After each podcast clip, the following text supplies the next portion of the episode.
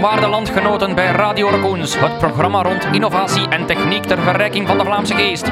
Dit programma wordt u gebracht door de Raccoons Groep, een verzameling technologiebedrijven die zich bezighouden met wonderlijke uitvindingen zoals kunstmatige intelligentie, praatrobots, virtuele realiteit en zelfs kwantumrekenaars.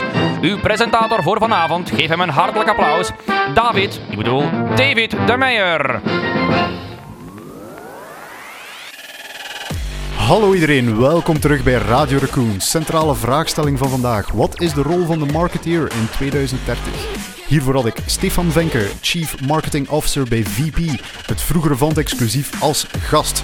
We hebben het gehad over het verleden, heden en de toekomst van marketing. En doorheen de aflevering heel wat inzichten in hoe VP omgaat met digitale marketing. Hallo iedereen, welkom terug bij Radio Raccoons. Vandaag alweer een interessante gast, een centrale vraagstelling en natuurlijk ook mijn fact-checking sidekick Sam. Sam, wat is de vraagstelling van de dag? De vraagstelling van vandaag is: wat is de rol van een marketeer in 2030? Alweer een interessante vraag. Absoluut. En alweer een interessante gast ook. Welkom Stefan Venken, Chief Marketing Officer bij VP Noord-Europa, e-commerce specialist, eh, ooit in een ver verleden webdeveloper, maar bovenal Een techgeek. Een tech geek, fantastisch. Kijk, want daar gaat het ook over vandaag. Welkom Stefan. Ehm, we gaan het vandaag hebben over marketing 2030, ook een beetje over de toekomst. Maar eh, iedereen die mij kent weet ook dat ik een gigantische geschiedenis-nerd ben. Ik Mhm. ken marketing eh, vanuit de vroege jaren. Koop Bonux, het is het beste product. Einde reclame. Ja. Vandaag de dag eh, is een marketeer deels IT-specialist, deels psycholoog, deels God, weet wat nog, eh, God weet wat nog allemaal. Wat is er daar precies eigenlijk in veranderd? Goh, ik denk als je inderdaad terugkijkt naar het voorbeeld dat je geeft, Bonux, Dash, eh, al die dingen. Marketing was anders toen. In, in die zin, één, het product is anders. Eh, de meeste mensen kopen hetzelfde wasproduct dan hun grootouders, omdat daar zit zo'n bepaald vertrouwen achter. hè. Ja. En dat is hetgeen waar eigenlijk marketeers vandaag de dag een beetje de weg soms wat kwijt zijn. Hè. Dat is dat vertrouwen schenken en dat doe je door conversaties, door inderdaad relaties op te bouwen. Wat ze vroeger vooral deden, hè, je gaf het voorbeeld van Bonux, hè, dat was alle, een beetje avant la lettre influencer marketing, hè, met de kotmadam die ons ging vertellen hoe dat we onze was moesten doen. Wat op zich wel alle een goed concept was. Ja. Of Bonux nu ook Dash voorbijgestoken is, al ik denk dat het antwoord nee is. Ehm, dus men heeft, daar, men heeft daar wel wat fouten gemaakt destijds. eh, met de manier waarop men dat heeft proberen te positioneren. Ah, fouten gemaakt. Men heeft een aanpak geprobeerd die daarom niet per se de beste is. Ik denk waar we vandaag beter in slagen, is eigenlijk hetzelfde vraagstuk als we altijd hebben. De ideale vorm van marketing is een conversatie. Maar hoe kan ik met alle mensen die ik wil bereiken, überhaupt een conversatie voeren? Ja. En vandaag, met de tools die we vandaag hebben, kunnen we veel gerichter, gepersonaliseerder een conversatie opstarten met wat wij denken dat een prospect is.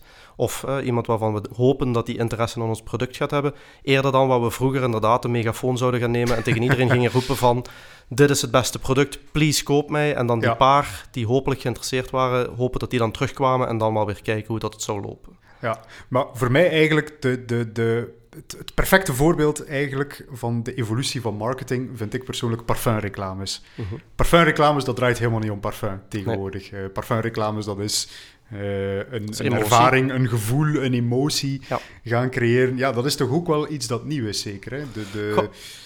Op zich niet echt. Als je gaat terugkijken, hè, de reclames van een Chanel of zo, ja, Eigenlijk hebben ze altijd het, hetzelfde principe, dat blijft werken. Hè. Mooie mensen, seks zelfs, hè. ja, dat blijft zo. En het feit van werken op emoties, dat is uiteindelijk ook wat een parfum hoort te doen. Hè. Het is een geur, het is sowieso een, een, mhm. een, een zintuigelijke beleving, hè. anders dan een, eh, dan een grasmachine dat je moet gebruiken. Je hoeft daar niet met features uit te pakken. Ja. Er bestaat geen feature voor. Hè. Zoveel graden houtgraad, nobody cares. Het gaat er vooral over van welk gevoel denk ik te gaan krijgen als ik dit product ga gebruiken. En ik denk dat zij vanuit die optiek daar eigenlijk vrij goed in slagen van een, een context te creëren waar je aan wilt voldoen door Ja. dat product te kopen. Oké. Nu, ik heb ook nog altijd een beetje het beeld van de marketeer als, als eh, de, de madman natuurlijk bij elke marketeer. Ja. Eh, ik heb altijd gehoord dat in de Top Gun school dat mensen eh, een boete moeten betalen als ze Top Gun references maken. Ik weet niet of dat, dat hetzelfde is bij jullie naar, naar madman references in de marketingwereld. Ik, Nee, ik heb nog mee. altijd een beeld van de marketeer als zijnde de Don Draper die, die met zijn Hm. sigaar achterover in de zetel zijn laatste reclame-idee zit te pitchen. Ehm, nu, ja, marketing. Ik denk niet dat het overgrote deel van de marketingwereld nog aan dat cliché kan beantwoorden. Nee, nee, gezegd, nee, absoluut niet. Bestaan ze nog? Ja. Heb je ze nog nodig? Raar maar waar, ook ja. Oké. Ja, je hebt effectief wel die creativo's nodig die een beetje vanuit een, een ludicrous idee een context kunnen creëren die voldoende eruit springt om mensen terug te gaan boeien en, en de aandacht. Hè? Want dat is uiteindelijk hetgeen wat we vandaag zien. Twintig jaar geleden, je zag een paar ads als je naar het werk reed, een paar in een, in een krant. Vandaag, het is een overload. Hè? Je ziet 20.000 merken op, een- op een gemiddelde dag. De meeste springen er niet meer uit. Dus die Don Draper-types, die heb je voor een stuk nodig om die, die geweldige ideeën op te zetten. Die magnifieke campagnes, die was bijvoorbeeld in Amerika tijdens de, de Super Bowl. Hè, dat type ads, Ja, dat wordt nog altijd door de supercreatievos gemaakt. Is dat echter de bulk van je reclamebudget, dan heb je waarschijnlijk een nieuw probleem, want dat gaat niet goed, dat gaat niet goed schalen. Hè. De, de ROI daarvan is moeilijk te berekenen. Allee, dat zijn de dingen waar we vandaag heel fel op werken. Eh, mijn achtergrond is inderdaad meer vanuit een techniek. Ik kom eigenlijk vanuit een development background. Ja. Waar wij heel fel op inzetten is effectief het collecten van de juiste data en hyper gepersonaliseerd.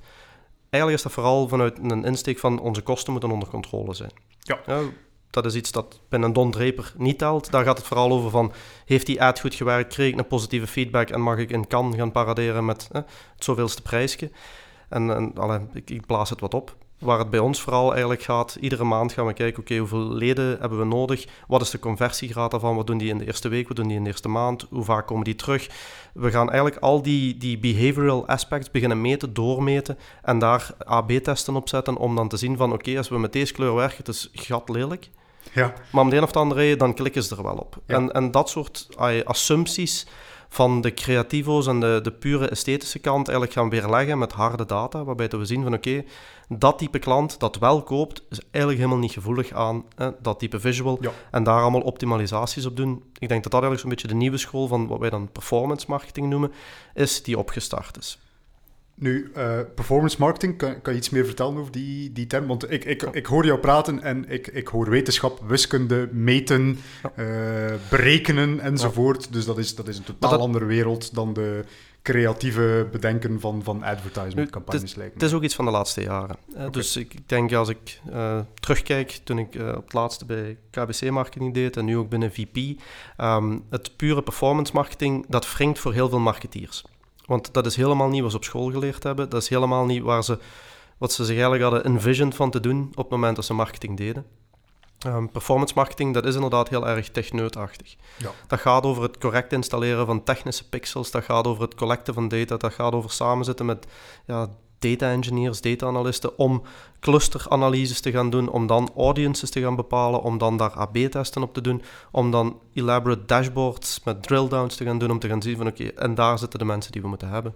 Dat is gewoon een heel andere insteek. En Ja. dat is gewoon ook een stuk vakgebied dat bij marketing is toegevoegd, wat nog altijd een beetje zijn positie aan het zoeken is. Dus Ja. wat we vandaag zien, zowel binnen VP, maar ook bij heel grote corporates, ehm, is dat de, de rol van een CMO op zich weinig toegevoegde waarde meer brengt. Ik spreek een beetje tegen mijn, mijn eigen winkel hier.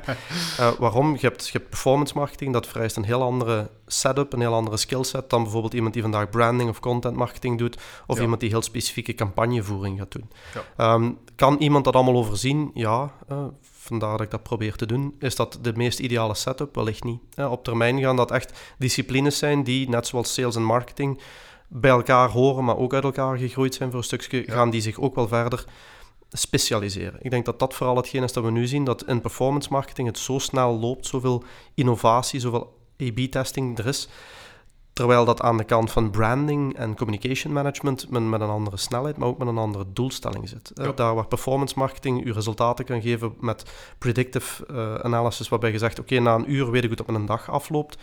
Bij branding maak je plannen voor de eerstkomende drie jaar. hè. Ja. Hoe gaat men over zes maanden, als we de vraag stellen, hoe wordt ons merk gepercipieerd aan duizend random Vlamingen? Dat is typisch waar je met branding mee bezig bent. En wat voor mij nieuw is, eh, wat ik een jaar geleden niet zou gezegd hebben, they're equally important. Ja. En qua budget denk ik dat wat we vandaag zien bij de meeste e-commerce frontrunners, dat er heel veel budget gaat naar de pure performance kant, omdat die meetbaar is, omdat die EBITDA geeft op het, jaar, op het einde van het jaar. Daar waar de branding kan, de investment in de long term is, En dat is iets waar traditional retail bijvoorbeeld beter in geweest is. Ja. Eh, ik geef nu heel vaak intern presentaties over... eh, we hebben allemaal schrik dat onze USP's, onze unique selling propositions, uitgehold worden. Wat als we niet meer de goedkoopste zijn? Wat als we niet meer snel genoeg kunnen leveren? Wat als men dit verwacht? Wat als men dat verwacht? At the end of the day zou dan uw brand een waarde moeten hebben die een soort van loyalty kan genereren. Ja. Ik geef dan heel vaak het voorbeeld Starbucks. Je kent Starbucks? Ik heb er al van gehoord. Je hebt er al eens van gehoord. Je hebt er waarschijnlijk ooit wel eens een koffie gedronken ook. Ja, ene, ene keer. eh, Ja. Ik heb het mij wel beklaagd achteraf. eh, ik- Maar- Heb nog maar één keer in je leven Starbucks gedronken? ja, eh, ene keer koffie bij Starbucks gedronken. Een Ja. donuts vind ik, wel, eh, vind ik wel iets smakelijk. Mensen drinken frappuccino's bij Starbucks. Ah, ja, ja, dat, dat was mijn grote fout, want Ja. ik vroeg echt van, wat, wat is een gewone koffie? en die keken mij al raar aan van, ach nee, het is zo een. Zo, ge- geen amandelmelk? Inderdaad. Maar dus ja, Starbucks, wel Maar van Sta- gehoord. Starbucks, ah, opgestart 1971, drie studenten die eigenlijk gewoon koffiebonen gingen roosteren en verkopen lokaal. Mhm. vandaag is dat merk op zich. hè, dus één, laten we er even heel duidelijk over zijn. Ik vind dat niet de beste koffie ter wereld. Ik vind ook niet de goedkoopste koffie ter wereld. Dus eigenlijk als je naar USP's kijkt, van, hè, als koffieshop, als je die open doet, wat zou je graag zijn? Ja, ofwel de beste, ofwel bij de goedkoopste. Ze zijn geen van beide. En vandaag hebben ze als merk waarde, zijn ze het zestigste eh, qua waarde van merken, eh, merk ter wereld. Ja. Ze zijn Sony voorbijgestoken. Nu, voor iedereen die zo'n beetje van mijn leeftijdsgroep is, Sony heeft ooit de Walkman geïntroduceerd. En voor iedereen die eh, ook mijn leeftijd is en jonger, de PlayStation bijvoorbeeld, hè, komt Ja. ook van Sony. Ja, Wel, de merkwaarde van Sony als bedrijf is lager dan die van Starbucks vandaag. En dat zijn dingen, dat kun je alleen maar opbouwen door ook te investeren in uw, uw brand. Het feit dat die barista, die, die ongeschoolde die uw koffie zet, die uw naam verkeerd schrijft, dat die u altijd een heel consistente experience geeft. Ja. Wel, dat soort dingen, dat zorgt ervoor dat mensen zich daar voor een stuk thuis voelen en daar ook een soort van, ja, een beleving bij zien. En ik denk dat dat iets is waar performance marketing nooit aan gaat voldoen. En dat is die beleving, die context en dat brand installeren. En die twee pilaren moeten heel erg goed in balans zijn. En zie ik mij dan een, een performance marketing team echt gewoon als, als een team van pure IT-techneuten? Binnen onze, allee, binnen mijn context vandaag, beginnen ze daar meer en meer op te lijken. Ja. Ik ga niet zeggen dat ze dat zelf hebben zien aankomen, maar ze beginnen dat wel te beseffen. Ja. Ja, dus als ik dat bekijk, twee jaar geleden, we starten daar. we hebben een track opgestart, retargeting noemen we dat dan. Dat wil eigenlijk zeggen dat we met, eh, met de Google en de, de Facebook, de, de pixels en, en de tags, eigenlijk gaan proberen te zien van oké, wie heeft iets bij ons bekeken, maar dan niet gekocht en is het dan de moeite, zat hij lang genoeg daarop te kijken, dan gaan we dat product laten voorkomen, niet te zeer in your face, in een carousel. We gaan die carousels op- afhankelijk van de demografie liggen aftoetsen. Dat zijn allemaal dingen die we gradueel ingevoerd hebben, maar vandaag, als ik nu het gesprek heb met de dame die vandaag vooral retargeting doet, dat is een heel ander gesprek dan twee jaar terug. Twee jaar terug had hij mij een uur kunnen vertellen over hoe dat ze dacht dat die ad er moest uitzien. En vandaag hebben we het dan over de vierde AB-test die ze die week gedaan heeft. En hoe dat ze gezien heeft dat als we dat zo doen en die eh, audience filter erbij zetten, dat dan de CPL toch wel veel, of de CPA veel gunstiger wordt, dat de reach omhoog gaat, dat we de frequency kunnen verhogen zonder dat er eh, een negatief effect is. Dus al die termen, dat zijn allemaal termen die voor, voor het merendeel van het team vrij nieuw waren toen we eraan begonnen. Maar het is, ook, het is ook een normale evolutie. We hebben dat ook uitgelegd, altijd zo, en dat is ook marketing, hè, vanuit de waarom. Waarom hebben we dat nodig? Wel, zie je het langs de andere kant, heel in het begin met Booking. Als je een reisje van Parijs had opgezocht, de eerstkomende twee maanden ging je overal Parijs tegenkomen. Hè, op Facebook, op Google, op eender welke andere website dat je kwam, los van het feit dat je bij Booking die reis gekocht had. Ja. Dus je had een, een overabundance aan ads die niet relevant waren. Dus wat we nu proberen te doen is een beetje frontrunner zijn in zorgen dat die ads relevant zijn. Hetzelfde met Ja. acquisitie. Acquisitie is voor ons het binnenbrengen van nieuwe leden. Ja, wij brengen er 70, 80.000 per maand binnen. In België en Nederland. Oké. Een markt waar we zo al 6,5 miljoen leden hebben. Dus het is ook niet dat we ze kunnen bijdrukken, de mensen. Dus je moet veel gerichter gaan zoeken om aan een acceptabele prijs die mensen te kunnen overtuigen van op je webplatform te komen kijken en te zien wat je aanbiedt. Ja. En dat doe je door continu te verbeteren in de manier waarop je die mensen selecteert. Dus ja, die mensen, of ze dat nu wouden of niet, of ze zich daarvan bewust zijn of niet, meer en meer de opleidingen die ze volgen, de dingen die ze doen en, en de manier waarop ze een, een job invullen, lijkt meer en meer op data, tech, nerd. Veel minder dan het pure creatieve. Oké. En dus ik ga dat ook een beetje vasthangen aan de, de vraag van, van Jan van vorige keer. Ja. Ehm, dus de vraag van Jan was eigenlijk van ja, het spanningsveld tussen enerzijds de Mhm. e-retailer en Ja. anderzijds de, de kleinhandel, hè, de Ja. gewone winkel, eh, is er natuurlijk altijd geweest. Ja. Hoe, hoe zie jij eigenlijk die spanning? Want als ik u hoor praten over marketing, dat is, dat is een totaal andere manier van denken dan wat waarschijnlijk een gewone retailer doet als dat- een, eh, een, een, een advertentie plaatst in de krant of Dat zo. klopt, dat klopt. Ik denk, als je een lokale, eh, lo- lokale winkelier bent, dat je waarde in het lokale zou moeten zitten. Het heeft heel weinig zin dat je dan ads gaat schrijven voor mensen uit de UK te gaan overtuigen voor bij u een paar schoenen te komen passen. Dat Ja. gaan die niet doen, dat is geld weggegooid. Dus ik denk, hetgeen wat je beter kunt dan een e-retailer, zoals dat eh, we bij VP zijn, ehm, is inderdaad op dat lokale spelen. Dus een lokale ad plaatsen bij het, het voetbalkrantje en Ja, eh, bij de ja. cafés. Dat zijn dingen die wij vanuit VP nooit niet gaan doen. Allee, nooit. Ik zal, zal voorzichtig zijn, want ik weet niet wat ik over jaren doe. Eh, maar dat normaal gesproken gaan we dat nooit niet doen. Ja. Want dat lokale kunnen we toch niet bieden. Tenzij dat we met pop-ups gaan beginnen. Dat is een vrij duur concept. Werkt wel goed, maar... hè. Eh, een lokale retailer heeft dat voordeel van lokaal te zijn. De mensen te kennen. En zou daardoor veel beter dan wij moeten kunnen bepalen wat die mensen nodig hebben. Alleen wat merken we nu? Daar worstelen ze wel mee. Ja, die proberen eigenlijk meer naar de e-retailer kant mee te Ja, draaien dan te investeren in de, het unieke. de toegevoegde waarde van een, een, een kleine winkel, hè, en ik bedoel dat niet verkeerd, hè, niet denigrerend van klein, maar hè, een, Ja, een, qua hè, één, één winkelpunt bijvoorbeeld, van dan een e-shop tegenover te zetten. Als je dan toch alleen maar focust op lokale klanten, poh, ik denk niet dat je daar heel veel waarde uit gaat creëren. Ja. Want zij die s'nachts bestellen, die verwachten dan toch het morgen vroeg levert. Je hebt die logistiek toch niet in place. Laat het dan. Zet u dan vooral in rond dat lokale. Doe dan experiential marketing. Iets waar grote merken van dromen, maar niet kunnen doen. Experiential marketing gaat erover dat je een bepaalde context gaat, eh, gaat, gaat creëren. Een bepaald gevoel. Nodig dan mensen lokaal uit op speciale evenementen. Doe iets. hè. Ga bijvoorbeeld eens mensen uitnodigen die een boek komen voorlezen. Ga mensen, van mijn part, doet je pottenbakken voor de, hele, voor de hele gemeenschap. Doet er niet veel toe. Maar laat zien dat je er zijt voor hun, dat je hun kent. En dat je ook buiten de kleren die je aanbiedt, de radio's die je verkoopt, maakt me niet uit. Dat je eigenlijk een, een onderdeel bent van die community. Want Ja. dat kunnen wij nooit. Ja. Dus dan moeten ze er schrik van hebben? Ja. Aan de ene kant wel, want ja, geld dat ze bij ons hebben uitgegeven, gaan ze bij een kleine retailer niet meer uitgeven. Als je uit de markt geprijsd bent, dan heb je sowieso een probleem. En dan ligt dat niet aan ons, maar dan ligt dat aan hè, Ja. de manier waarop je winst versus hè, groei hebt liggen balanceren.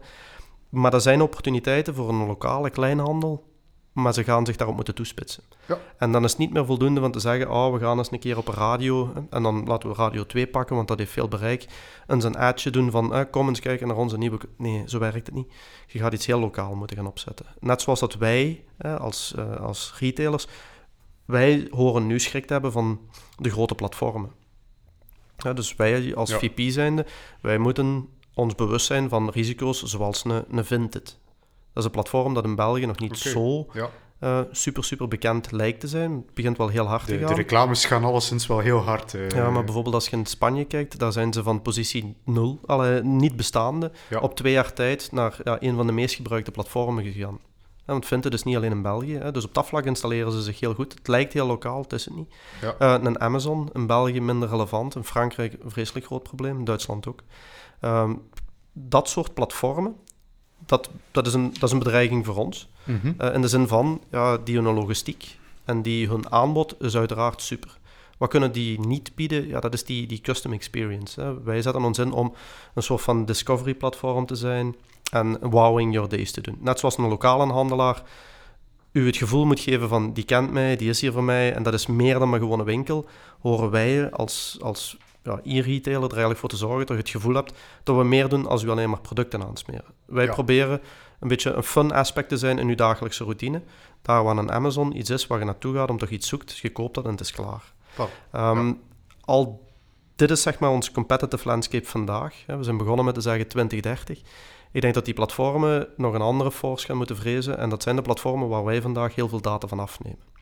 Bijvoorbeeld Facebook slaagt er beter in om iemand die wij nog niet kennen eh, te gaan targeten, omdat ze er meer data van hebben. Ja. Ja, als ik dat nu bijvoorbeeld vertaal, stel dat jij als hobby hebt duiken, wat ik niet weet of dat zo is, maar eh, Ik heb het ene keer geprobeerd, ik vond het bijzonder onaangenaam, maar ga verder.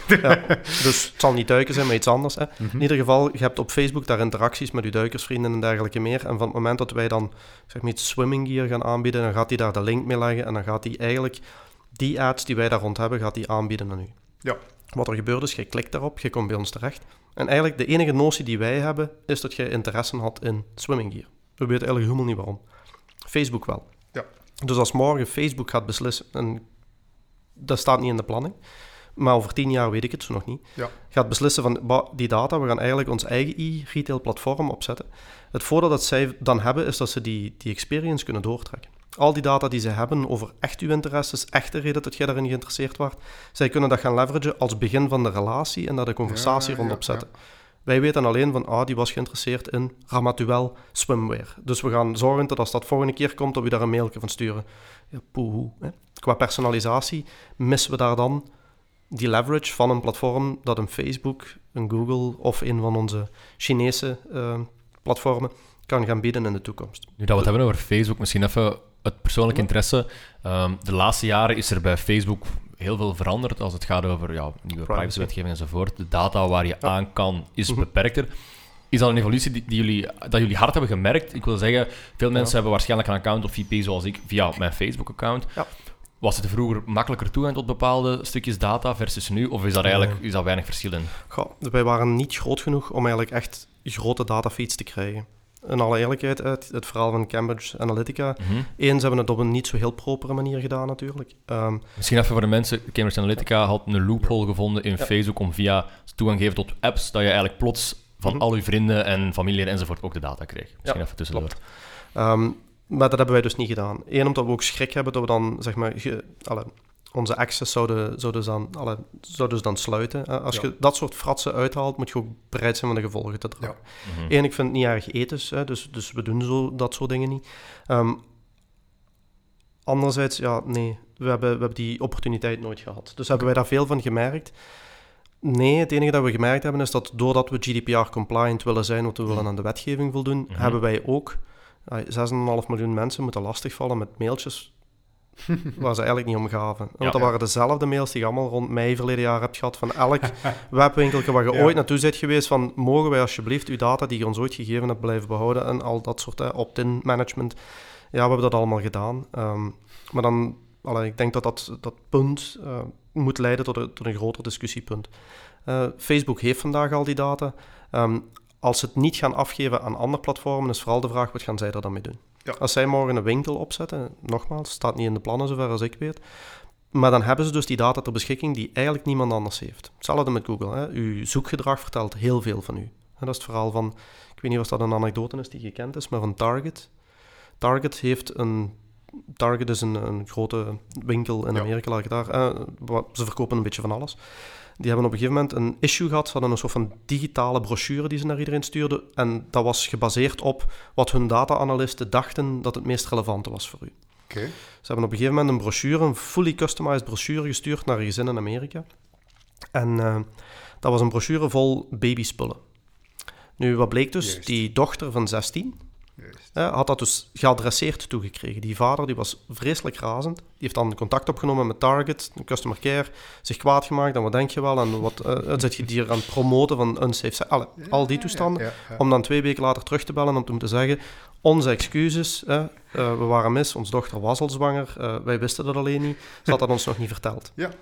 Ja, hoe kwam dat nu? Blijkbaar had die dame gezocht naar bepaalde ehm, supplementen die vaak eh, in het begin van een zwangerschap genomen worden. eh 1 en 1 is 2. En op basis daarvan hebben ze dan eh, die data gecombineerd om daar iets mee te gaan doen. Ja. Die data heeft Google, die data heeft Facebook, die data hebben wij niet. Dus als morgen zo'n platform gaat zeggen van oké, we gaan die data met niemand meer delen, hè, want we doen GDPR ehm, heel strikt, hè, we delen nog met niemand, ja, dan hebben ze ook gewoon een leverage over andere e-retailers, als ze er ooit aan beginnen, die we nooit gaan kunnen matchen. Dus als we nu kijken, de uiteindelijke vraag is de rol Hm. van de marketeer Ja. in 2030. Nu, voordat we daar gaan, Mhm. 2020 Mhm. staat om de hoek. We zijn er bijna. Wat is er zo de komende tien jaar? Allee, wat kunnen we de Hm. komende jaren misschien? We moeten Ja. nog niet tien jaar ver gaan kijken. De komende jaren nog verwachten in de marketingwereld. Ik, ik hoor al heel vaak over AB-testen. Ja, Nu, klopt. dat is iets dat in het algemeen steeds meer aan het Ja. opkomen is. Ook, ook wij, als wij chatbots ontwikkelen, gaan wij steeds meer gaan inzetten Ja. op AB-testing om zulke dingen te gaan doen. Ja. Zijn er zo nog... Goh, men, men noemt dat ook wel zo VUCA. Hè? Zo, het is volatile, het is uncertain. Hè? Ehm, hetgeen wat we vooral merken, en, en ik jaar na jaar meer en meer, hè, Mhm. dan voor een stuk kun je dat toeschrijven aan het feit misschien we worden ouder, anderzijds is het misschien gewoon de context die verandert. Ehm, de horizon waarin ik het duidelijk zie van wat er staat te gebeuren, wordt alsmaar korter. Ja. En de veranderingen worden alsmaar sneller en, en, en alle, ingrijpender ook. Dus wat staat er de komende jaren te gebeuren waar wij ons vandaag op voorzien? Hè? Wat dan ook gelijk al een indicatie is van dat ik ook niet helemaal zeker weet of we de juiste dingen doen, is voor een stuk inzetten op de verschillende nieuwe kanalen die opstaan.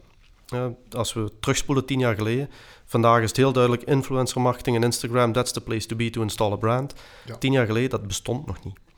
Dus over tien jaar zitten we weer met een heel andere horizon. Wat zien we vandaag wel opstaan? Het zijn platformen gelijk een Snapchat. Daar zitten de mensen op die nu stilletjes aan een inkomen beginnen te verdienen. Dus dat is een platform waar je eigenlijk naartoe moet gaan. Ehm, als je naar kinderen kijkt bijvoorbeeld, zij die rond de 20 zitten, die vinden Facebook nog wel valabel. Ga één keer naar 16 en dan is Facebook voor oude zakken. Al, al niet meer hip. Ah. Ja, dus dan zit je naar Snapchat te kijken. Ga nu nog ietsje verder terug. Ga dan naar de mensen die nu rond de 10, 12 jaar zijn. Uh, ietsje daaronder zelfs, TikTok. Hetgeen wat Ah, ja, vroeger ja, eh, ik heb er al, eh, ik heb al Musical.ly was, is eigenlijk een heel platform geworden. Ehm, en een platform dat ook heel erg sterk is. Dus daar zit heel veel groeimuziek in. Er zijn ook een heel, is maar een heel select publiek van merken dat vandaag die sprong al maakt om ja, een merk te gaan installeren voor die generatie. Ja. En ik denk dat dat iets is waar we de komende jaren ons allemaal van bewust moeten zijn. Vandaag, als je puur naar ROI kijkt, is Facebook, Instagram, WhatsApp, eigenlijk dat platform de enige viable, option, samen met Google. Ehm, als je wilt gaan kijken naar de groei, naar de toekomst, ja, dan zult je dingen zoals een TikTok, een Snapchat moeten beginnen inzetten. Ja. Eigenlijk als zijn de zaadjes die geplant voor over tien jaar. Ja, om dan een soort van, hopelijk, brand loyalty, recognition, trust te hebben opgebouwd met die generatie, die dan ook vindt dat je nog relevant bent. Ja, want dat is het risico dat je loopt, dat je de Kodak, de No- Nokia eh, gaat worden van, eh, van de volgende generatie. Dus je moet ook zien dat je ze begrijpt. Dus, Ja. En hoe doe je dat? Types door al te gaan zitten waar zij zitten en hopelijk daar iets van op te pikken. Wat verwacht ik nog de komende jaren? Ehm, ik heb zelf een developer-achtergrond en in één woord spreken we daar gaming-types bij uit.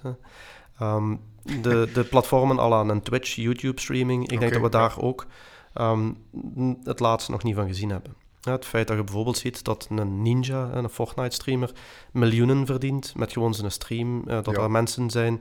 eh PewDiePie, ik weet niet goed hoe dat je moet uitspreken. PewDiePie. Ja. Zo dus. Hè. Eh, als je gewoon kijkt dat Nog 100 iets miljoen, kleiner. 100 miljoen subscribers Ja, haalt, allee, dat, zijn, dat zijn volumes die we niet kennen van vroeger. Dat soort impact had niemand. Los van het feit wat je van ze vindt als persoon, dat zijn dingen waar we de komende jaren ons heel bewust van moeten zijn. Dat daar audiences zitten waar ook ons audience bij kan zitten. Ja.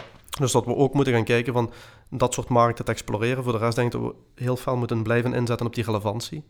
Meer en meer mensen gaan naar digital marketing, wat eigenlijk een alle, stom woord is. Het is gewoon marketing, want als je het niet digital doet, ja, wat zit je dan aan het doen? Ehm, maar dus die notie van eh, meer en meer mensen gaan zich in die markt roeren, dus je moet relevanter worden, want anders wordt het te duur. hè. Het heeft te maken met hoeveel mensen op dezelfde pot liggen te kijken. Ehm, Ik denk dat dat gewoon een evolutie is voor de komende jaren. Dus nog veel relevanter, nieuwe kanalen introduceren en ook durven terug te kijken naar het verleden. Hetgeen wat begint weg te vallen vandaag, voel ik zelf ook. Als ik nu Instagram opstart, zelfs met verse accounts, ehm, heel veel ads die niet echt relevant zijn. Oké.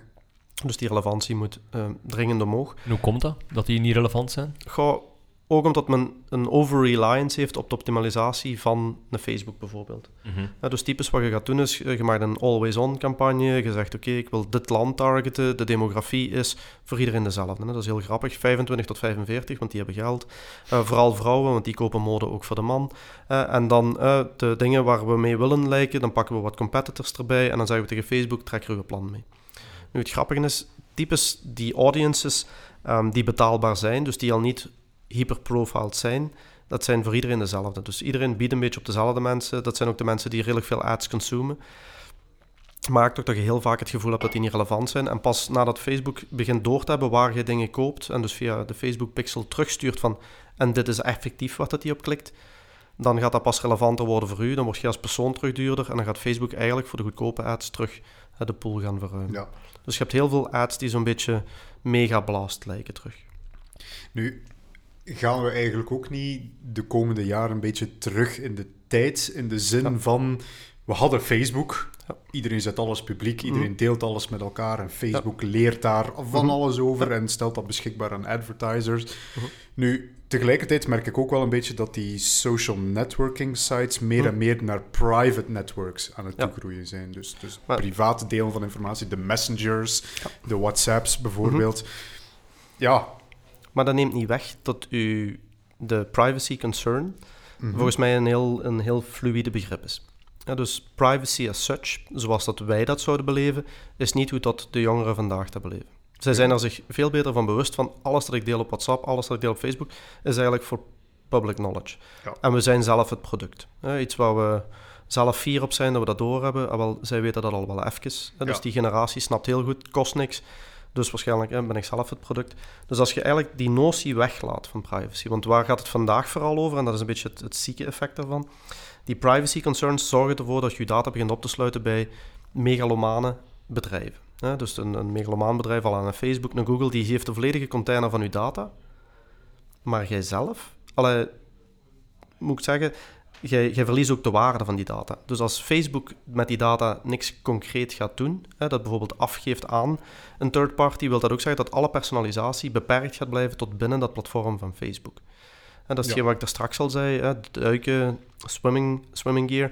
Finaal wat je dus gaat krijgen is, ja, Facebook heeft al die data. En eigenlijk de enige manier dat ze dat nog gaan kunnen vermarkten, is door die producten zelf te gaan beginnen aanbieden. Hetgeen wat je nu ziet met Instagram Shopping bijvoorbeeld, hè, waarbij dat ze zelf ook die link gaan leggen, de stap wordt dan kleiner. Dus Ja. ik denk als we zeggen van privacy as such is not our main concern.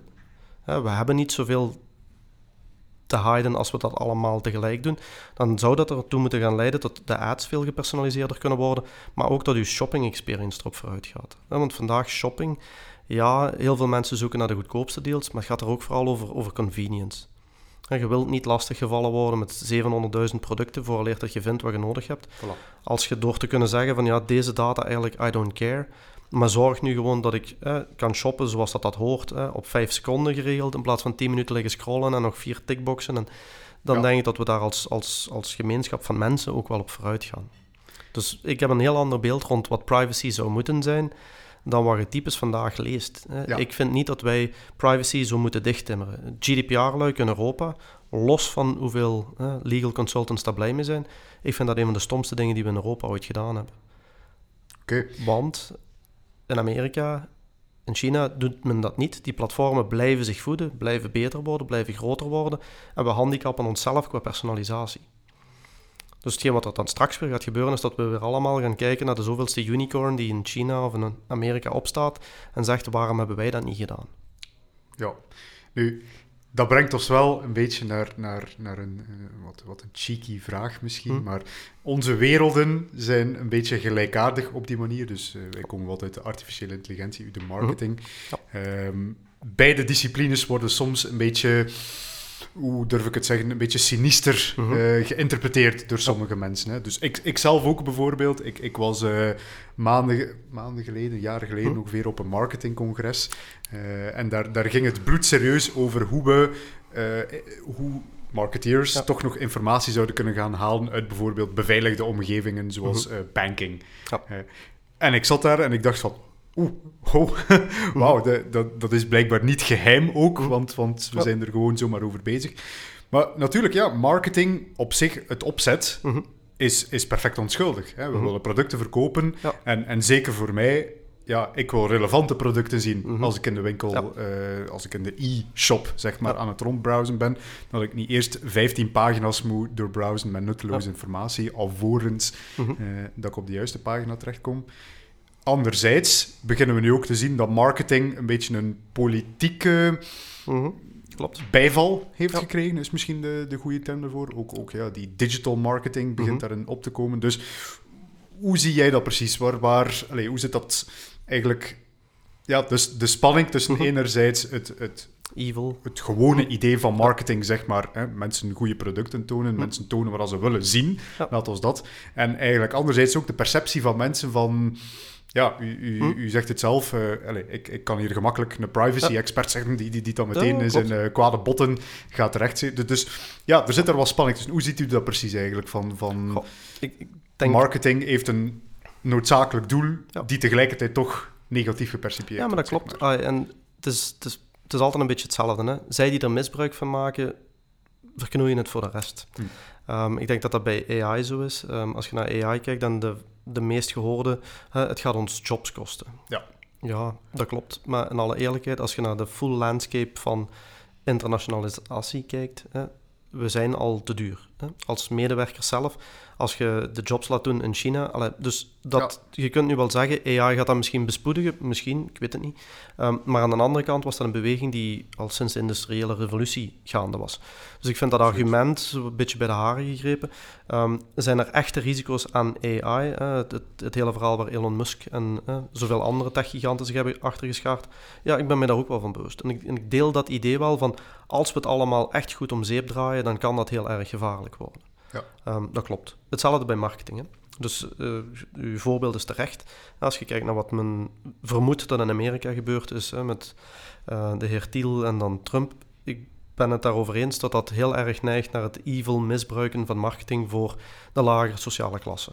Ja. Hè, Dus daar, daar zijn we het over eens. Maar dat zijn, de, dat zijn de uitzonderingen. Hetgeen waar ik veel liever naar kijk, en dat heeft meer met mij als persoon te maken, denk ik dan, is naar de, naar de positive upside of it. De, de opportuniteiten die een AI ons kan bieden qua bijvoorbeeld eh, dataverwerking. De, Mhm. de, de mastodonten aan big data die je moet gaan verwerken om te gaan clusteren, om daar iets relevant uit te halen. Dat gaan we nooit kunnen doen door een hoop mensen achter computertjes te zetten en te vragen van door die data te beginnen scrollen.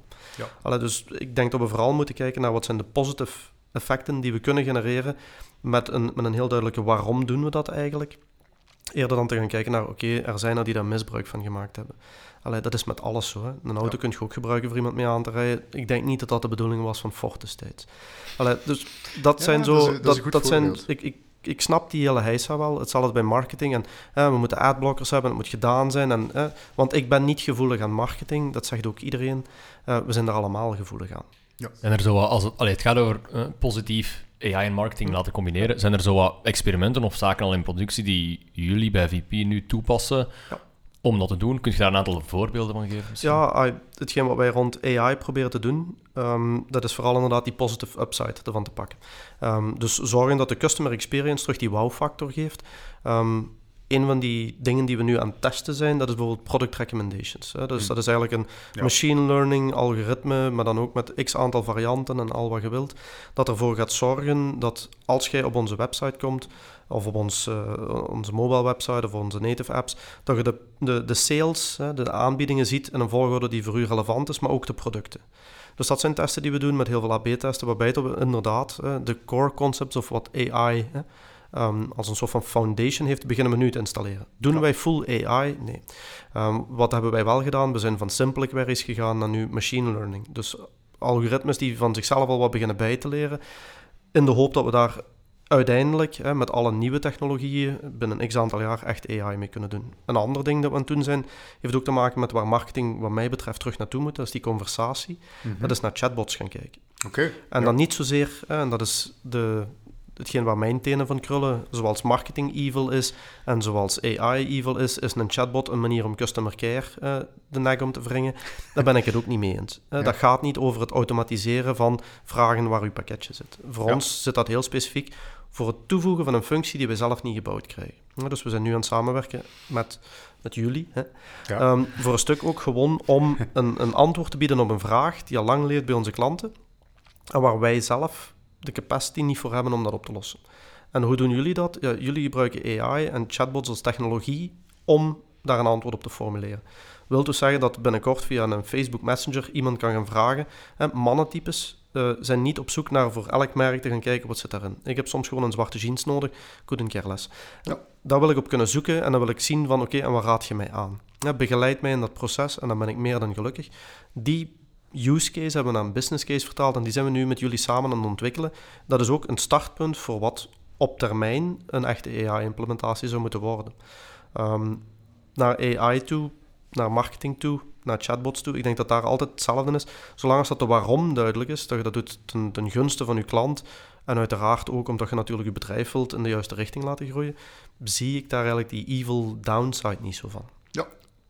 Nu, we hebben het dus inderdaad gehad over AI en Mhm. marketing. Nu, natuurlijk, beide disciplines hebben denk ik ook wel een mooie toekomst samen. Ik Mhm. had zelf daar al een, eh, een aantal voorbeelden aan. Ik droom bijvoorbeeld al heel lang van de AI-based fashion advisor. Mhm. Ja. Die eigenlijk weet hoe kledingstukken eruit zien Ja. en die mij ook op tijd gaat gaan waarschuwen Ja. van oei, nee, de, die combinatie, David, Mhm. daar zou ik niet aan beginnen. Jij denkt misschien dat dat er Ja. heel leuk uitziet, maar eh, eh, de dag van vandaag is dat not done. Maar dat zijn zo die, die magical mirror dromen. Hè? Dus dat, eh, dat zijn films van de jaren negentig waarin tot al vrouwen op van die grote bolle schermcomputers nog destijds al op knopjes konden duwen om te zien wat in hun kast hing Ja. en dan te zien van wat ze die dag moesten aandoen. En eigenlijk, die dingen bestaan al. Werken ze al supergoed? Nee. Hè? Dus met bijvoorbeeld Zalando hè, is nu Mhm. ook physical points het open doen, pop-up stores die drie, vier dagen open zijn, waarbij als je binnenkomt, je gescand wordt door verschillende camera's en dat je eigenlijk een soort van magical mirror kunt gaan zeggen van oké, dit interesseert me wel. Je kunt die kleren dan niet kopen, maar je kunt eigenlijk zien hoe dat ze aan zijn. Ja. Dus 3D-scanners, eh, de, de projectietools, die evoluties horen wat mij betreft inderdaad ook bij AI. En wat we daar vandaag zien is heel veel experimenten met een, een lage ROI, maar dat doet er niet toe. Ik denk inderdaad, de volgende evolutie zou moeten zijn dat je op een gegeven moment kunt gaan naar het feit van oké, ik zie die mens daarin lopen, staat mij dat? Dat Ja. die niet alleen u dat rendert, maar je ook gaat zeggen van, in alle eerlijkheid, misschien als je 5 kilo afvalt en die buik wegwerkt, maar ik zou me er nu niet aan wagen. Ik Zoiets kan ook alleen maar een AI-systeem tegen u zeggen. Hè? Van iemand, van iemand anders ja, gaat je, gaat, je gaat die boodschap ook een beetje moeten vermarkten. in alle eerlijkheid. Anders waren gebroken spiegels als die een magic Ja, mirror maar te eerlijk ik wordt. denk, ik denk dat AI daar inderdaad in kan helpen. En ik denk bij vrouwen, zowel als bij mannen, dat daar ook wel mensen allee, zich bewust van zijn dat dat kan helpen. Hè? Dat, dat soort styleadvies krijgen of hè, wat zijn de kleuren die volgend jaar gaan uitkomen en die eens een keer op jezelf zien. Ehm, bij eh, make-up doen ze dat nu al. Ja, dus eigenlijk met allerlei. Snapchat-filterachtige Ja. manipulaties, AR eigenlijk gewoon, hè, dus augmented reality, gaat je eigenlijk een selfie van jezelf gaan aanpassen met uw lippen. Vrouwen, wij niet, hè, maar, hè, met lippenstift. Kan, kan ook eens op Ja, een vrijdag of I- zo. I don't judge, hè, maar eh, het, het idee is in ieder geval dat zij, of ook zonnebrillen, Ja. zo gaan testen. Ehm, ik denk dat dat een normale evolutie is die ik ook wel verder zie gaan. Ehm, ik zie daar ook op zich helemaal geen problemen in. Gaan mensen op de duur nog zelf naar de winkel gaan? Goh, dat is dan weer terug een beetje die vraag van, en wat dan met de lokale, hè, Ja, de lokale retailers? Goh, ja, ik denk dat wel. Ik denk ook dat het, hetgeen wat we altijd doen is, we, we overschatten de short-term impact en we onderschatten de long-term. Ja. Ehm, dat gaat er volgend jaar niet zijn. En ook al is er dat volgend jaar, want 3D-scanners, in alle eerlijkheid, toen ik ooit als webdeveloper op mijn eerste job werkte, zijn we daar ook al naar gaan kijken. Dat bestaat al 20 jaar. Hè. Dat is allemaal niet zo vooruitstrevend als dat we dat vandaag eh, denken te zien. Maar op de long term denk ik wel dat dat een, een effect is dat we gaan moeten gaan mee rekening houden. Dus dat Ja, mensen Ik, ik droom al worden lang thuis. van de... eh, ik weet niet of dat je de Google Duplex toevallig kent. Google Hm. Duplex is eigenlijk een systeem die Google, denk vorig jaar ergens gepresenteerd heeft. Ehm, en het gaat, eigenlijk, het gaat eigenlijk om het omdraaien van de chatbot, Mhm. eh, zeg maar. Dus de chatbot die niet meer voor het bedrijf werkt, Mhm. maar die dus echt ook, ook een beetje de Google Assistant Siri, Eh, de logische ja. ontwikkeling daarvan. En mensen kunnen daarbij dus eigenlijk zeggen van, hey, maak mij een keer een afspraak bij de kapper. Ja. Eh, en En nu doen ze dat bij restaurants. de, ja, Ja, eh, restaurants inderdaad, die bellen daar naartoe. En in volledig natuurlijke taal, Ja. met tot de ums en de mhms, Mhm. twijfelingen ertussen, belt hij dan naar dat bedrijf om daar Mhm. een eh, ja, een bestelling te Ja. gaan afnemen. Nu, ik, ik, ik praat hier al, vaak, al, al vaker over, ik wil het nu toch wel eens in de ether sturen Mhm. ook. De evolutie die ik dan zie, Mhm. is van, oké, we hebben een chatbot langs eh, Ja. de, de bedrijfskant, we hebben Mhm. een chatbot langs de gebruikerskant. De toekomst van retail is misschien dat jij zegt van, goh, ik zou wel een keer een nieuwe broek willen. En dat uw assistent dan vervolgens op het internet op zoek gaat naar de perfecte broek voor u. De prijs onderhandelt met de corporate chatbot van onder Dat andere VP bijvoorbeeld, en die dan de broek al bestelt en jij moet gewoon nog een keer op oké Ja. drukken om te zeggen dat het allemaal in orde is. Ja. Dus je wilt zeggen dat eigenlijk binnenkort niet meer mensen langskomen op de webshop, maar dat er eigenlijk chatbots langskomen om te En- shoppen voor En het interessante zou nog zijn, die praten ook gewoon Nederlands. Dus die, die praten ook gewoon met elkaar. Die computersystemen, dat is altijd een groot probleem Mhm. in, in, in de IT-wereld natuurlijk. Twee computersystemen met elkaar laten praten, daar zijn protocollen voor nodig en Mhm. weet ik veel wat allemaal. De toekomst is misschien gewoon het gebruik van taal. Mhm. Zelfs door computers om met elkaar te gaan communiceren. Dus eigenlijk dat via de VP-chatbot mijn persoonlijke assistent-chatbot dingen zou kopen. Voilà. Ja. Ik ben op zoek voor mijn klant naar een nieuwe broek. Hij is een meter Ja. 85 groot, hij heeft volgende maten. Ja. Dat weet ik al. Eh, geen vijf- hij is van plan om 5 kilo af te vallen, dat kan je ook al zeggen. Zo, hij zegt dat nu wel, maar het gaat nooit gebeuren. Die kent pak, toch zo maar, pak toch maar een ruime trainingbroek. Eh, allee, dat, dat, dat is voor mij de, de, de, de prachtige toekomst waar we Mhm. mogelijk naartoe kunnen gaan. Ja. Ik, ik, oh, ik heb een feestje, amai, eh, zoek me een keer iets Ja. chic. Eh, hup, voilà, en hij stelt u een volledige genomen- aan. Waarschijnlijk, als we zover zijn, dan gaat hij ook wel weten... Want dan gaat hij die uitnodiging van dat feestje al wel gezien hebben. Dan gaat hij u komen vragen als je dat niet nodig hebt. Ja, voilà, Ehm, ik heb de maar- perfecte outfit voor u gevonden. hè. Ja, maar op zich, er zijn, er zijn nu al tech-demo's die dat stuk doen. Hè. Ja. Ehm, dus ook daar weer long-term versus short-term. Eh, gaat dat zo rap gaan? Ik denk het niet. Long-term, ik zie niet in waarom dat niet zou kunnen. Ik denk alleen dat we waarschijnlijk iets anders gaan zien opstaan in de tussentijd, dat dat heel spel versimpelt en waarschijnlijk zelfs eh, alle, onnodig gaat maken. Ja. Want nu zeg je ook al, hè, ze moeten met taal gaan babbelen. Finaal kun je op een gegeven moment de vraag stellen, waarom moet je überhaupt nog met iets apart als een shop babbelen? Waarom zijn er niet gewoon API-connecties? En wordt het rechtstreeks met een warehouse geregeld en heb je die hele retail chain niet nodig? Allee, ik Ja. kan mij voorstellen dat er allee, een aantal evoluties nog wel gaan opstaan onderweg, die we vandaag niet voorzien. Oké.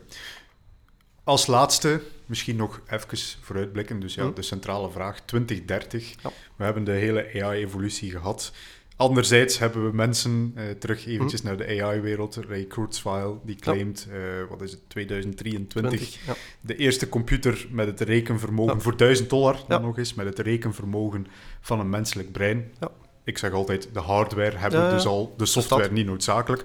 Ja. Maar als dat kan blijven verdubbelen in de Mhm. komende jaren, 2030, ja, dat is, dat is dan toch wel een hele, hele interessante termijn, Ja. denk ik Ja, persoonlijk. en inderdaad, en die worden ook behapbaar. Hè. Dat, Ja. zijn, dat zijn dingen waar bedrijven vandaag zeggen, we mikken op 2025.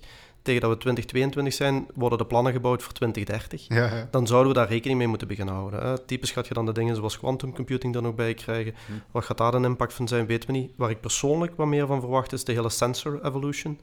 Eh, vandaag eh, Oké, smartwatches. ja. Ehm, ik heb het nu ook gezien met een, met een HR-tracker die ik gebruik om te sporten.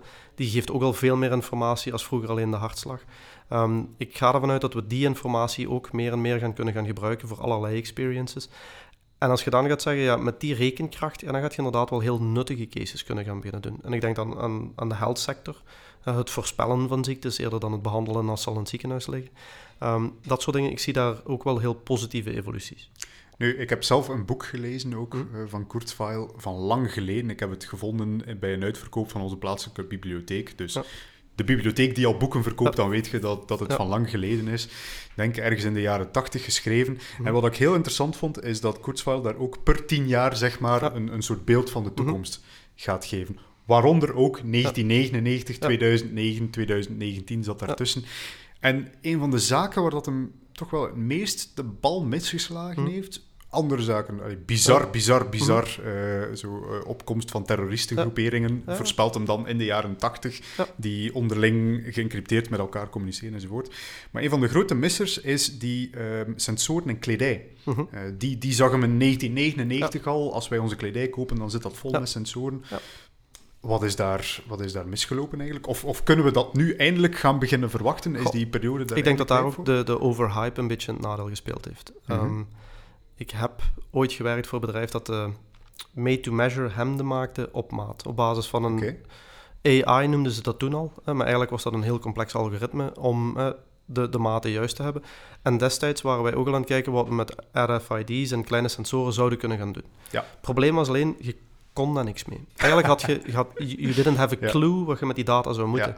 Ook al die dingen die we vandaag kennen, gelijk big data, cloud solutions, die zijn de laatste jaren pas echt doorgebroken voor het, laten we zeggen, hè, normale gebruikers. Als je vandaag in je garage een, een start-up wilt gaan starten, dan kun je computing power kopen die het gemiddeld groot bedrijf eigenlijk niet ter beschikking heeft door gewoon een creditcard, Amazon Web Services te connecten, de gig economy op Fiverr, zoek wat alle um, Oost-Europeanen of verder, hè, die je helpen met development van iets en je bent vertrokken. Daar moest je vroeger miljoenen voor ophalen. Dus ik denk dat je daar, allee, wat we daar een beetje onderschatten, is gewoon de timing effect. In, in, in, begin 2000 hebben we al demos gedaan waarbij we lieten zien dat je het webboek kon browsen met iets wat eigenlijk een voorloper van een iPad was. Dat was destijds mm van HP. Dat ding dat was vreselijk duur. Niemand moest dat hebben. Want dat werkte niet met zo'n stokje. En wie zou dat toch ooit gebruiken? Um, allee, dat soort dingen. Het timing effect as such is daarin heel erg belangrijk geweest. Dus zouden we daar nu meer mee kunnen? Ja, als we die sensoren goed kunnen verwerken en vooral als we ze kunnen linken met een business case waar mensen van overtuigd zijn. Ja. Waar veel van die voorspellingen de mist in gaan is van we kunnen dit, maar we weten niet waarom. ja, we kunnen dit. Ja, dat is heel tof, maar ik heb er niet om gevraagd, wat moet ik ermee? En dat is iets waar bijvoorbeeld een Steve Jobs destijds veel beter in was. Die ging u uitleggen dat je een probleem had waarvan je niet wist dat je het had. En dan had hij toevallig de oplossing ook bij voor 1000 dollar. Um, hetgeen dat we nu gaan zien is dat die sensoren, als ze een nut kunnen krijgen, zoals bijvoorbeeld health, hè, het voorspellen van problemen of het, het forecasten van, of al dat soort zeg maar, meer complexe use cases, dan kan ik me voorstellen dat dat finaal wel terugkomt. Ja. Hetzelfde ook met eco en sustainability. Ik denk ook dat de mode-industrie as such wel een change gaat moeten doormaken. Hè. Dat die, die throwaway fashion voor een stuk ook gaat geëlimineerd worden door de nieuwe generatie die dat gewoon niet meer pikt. Ja. dus ik denk dat we daar ook wel bewegingen gaan zien. Dus ja, ik verwacht daar innovatie. Zie ik vandaag die use cases heel clear? Nee. Dus verwacht ik dat binnen twee jaar? Nee, maar over tien jaar ga ik er waarschijnlijk de fabrikant naast gezeten hebben. Ja, inderdaad. En daar komt ook je uitspraak van in het begin weer terug. De termijn, de horizon wordt korter en korter en korter. Inderdaad, ook in de AI-wereld is het niet anders. Uh, daar, daar moet ik ook steeds minder gaan zeggen van... Uh, ja, goh, vijf jaar, ik weet niet.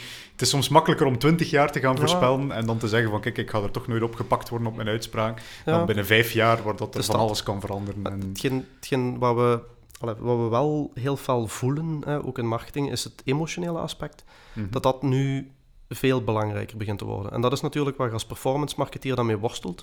Want daar kun je geen KPI op zetten. Ja. Hè? Daar kun je geen, die metrieken die je daarvoor hebt van hè, de sense of well-being. Facebook zal er wel iets voor hebben van metrieken, maar dat, dat hebben wij niet. Maar ik denk dat dat ook binnen marketing bijvoorbeeld, en ik denk ook binnen AI, veel belangrijker gaat worden. Van welk gevoel krijgt iemand bij een conversatie die die heeft met een chatbot, bij een berekening van, als een AI tegen u zegt dat eigenlijk tijd wordt dat je 5 kilo afvalt als je in die jas wilt passen, je zei het zelf, je slaat tegen de, tegen de mirror, dat is, dat is een soort van, ja, een emotioneel effect dat je eigenlijk ook perfect gaat moeten in rekening beginnen brengen, vooraleer dat je dat soort oplossingen naar buiten brengt. Bij marketing ook, we moeten conversaties gaan doen met mensen waarbij we ons bewust zijn van hoe dat die mensen zich voelen, en probeer daar een positief effect op te hebben. En ik denk dat dat, dat stukje gaat AI dat oplossen. Ik weet het niet goed. Van het moment dat we die duidelijke waarom gaan kunnen benaderen en mensen daar een field of research van gaan maken, geloof ik daar wel in. Maar dat is het stuk dat ik vandaag nog wat mis. En waar ik ook voel dat performance marketing nog een, hele mooi, al een heel mooi pad gaat kunnen afleggen. Maar daar gaan we beginnen tegen botsen. Dat het, het beheren van hoe iemand zich voelt en hoe iemand zich zou moeten voelen. heel veel van die forecasters zeggen nu ook, de, de future of marketing in 2030 gaat love zijn. Nu, buiten dat dat heel cheesy klinkt en echt zoiets klinkt als van, oh, daar wil weer iemand een prijs winnen en kan, snap ik het wel. Het gaat erover dat je love brands wilt vormen, dat je die ambassadorships wilt. En dat heeft te maken met het feit dat je moet bewust zijn van wat zoekt iemand echt en waar wordt hij blij van. Als ik, als ik daar een, uh, een tech response op zou kunnen geven, dat is uh, marketing of 2030 is not love, maar hm. dopamine. Want hmm. dat is misschien een link. Uh, we hebben daar in een eerdere aflevering ook eventjes over gehad. Dus Facebook heeft onlangs een, een mind control bedrijf gekocht met de prachtig, helemaal niet zo sinistere naam Control Labs. Klopt. Begot. Uh, en, en dat is een van, van die zaken van, ja, marketing systemen, AI-systemen, hm. die rechtstreeks op, op, onze dopamine-respons kunnen gaan inklikken. Mhm dat zou wel eens iets, iets, iets heel gigantisch kunnen worden, in mijn mening. Dus de combinatie van machine learning, een, een abstract lerend mhm. algoritme, die gewoon als enige input krijgt waar daar, waarnaar mhm. je kijkt en hoe dat je bij, daarbij voelt. Hè, hoe, hoeveel mm chemicaliën er worden losgegeven in jouw brein. Ja, als je die twee op elkaar kan afstemmen, krijg je... Ja, Maar ook daar weer, hè, we gaan dan die sensoren nodig hebben en mensen moeten het normaal beginnen vinden. Hm. Dus we gaan waarschijnlijk die sensoren moeten introduceren vanuit een ander concept. Hè, er gaat niemand een bril willen opzetten met een hoop sensoren, omdat je dan betere advertenties kunt tonen. dat doen, dat Ja. doet men typisch niet. Ja. Dus wat we, gaan, we gaan daar waarschijnlijk een andere use case voor moeten zien, als een soort van how en, en, en vooral een, een, een why. Om dan te gaan zien van oké, en kunnen we daar dan inderdaad positieve dingen mee doen vanuit marketing ook. Ik geloof daar wel in, ook omdat ja, de typische marketeer vandaag heeft dat boek ook liggen. Hè? Meet Your Happy Chemicals, allee, dat zijn typisch de boeken waar ik ook allee, met mijn team typisch naar kijk van oké, hoe, hoe hoort iemand zich te voelen? Ehm, los van het feit dat je dat niet kunt meten, maar wel wat type responsen eh, gaat je op werken. En dat zijn heel vaak ja, zo meer psychologische profiling Ja. dingetjes. Hè? Ja. De, de fear of missing out kent iedereen. Maar dat er een, een, een fear is ook van, hè, als je ergens naar gaat kijken en je ziet dat iets snel aan het uitverkopen is, je hebt de natuurlijke respons van daarmee op te springen. Je weet eigenlijk niet goed waarom. Allee, dat soort concepten, dat zit in marketing ook intertwined. Dat zat er in de jaren 20 al in, 1920 bedoel ik dan. Hè. Eh, en dat gaat, dat gaat zo ook wel blijven. Van het moment dat je die sensoren hebt om dat te koppelen, ja, dan komt er misschien een heel spooky period. Maar normaal gesproken, als iedereen het juist doet, ook wel een heel positieve beleving. Dus ik denk wel dat dat, ik denk dat dat niet zo heel ver van de normale toekomst gaat afwijken. Alright, kijk, en met een positieve boodschap kunnen we ook afsluiten. Absoluut. Ik denk dat we onze tijd ongeveer bereikt hebben. Alvast bedankt voor jouw komst vandaag. Heel graag gedaan. En er is natuurlijk ook ons vast segment, eh, Mhm. waarbij dat we elke gast een, een, een vraag laten stellen voor de volgende gast. Onze volgende gast is Dimitri, Dimitri, sorry, amai, Dimitri de Jonge eh, van BigChainDB en nu ook Ocean Protocol. Die houdt zich bezig met blockchain. Misschien ook wel een interessante technologie voor marketing in de toekomst. Heb jij toevallig een interessante vraag voor Dimitri? Goh, ik stel mij ook wel de vraag, en het is een beetje gerelateerd aan waar we het al een hele poos over Ja, gehad ja. hebben. Dingen zoals identity, privacy, Mhm. hoe gaan die veranderen volgens hem eh, m- allee, door de introductie van blockchain en meer en meer Ja, ja, systemen? Ja, ja. Oké, dat is Dimitri. Vraag. Dimitri heeft er vast al een, eh, een, een speech van 30 minuten. Ja, ja, Ik voilà, ben het voilà, zeker. inderdaad. Topvraag. Alright, goed. Bedankt voor jouw Dankjewel. komst. Bedankt iedereen voor het luisteren. En Sam, nu nog de exit. Yes, zoals altijd. Remarks. Als het boeiend was, zeker abonneren op Apple Podcast of Spotify of whatever, zo blijf je op de hoogte. En moesten er vragen zijn, let us know. Alright. Goed.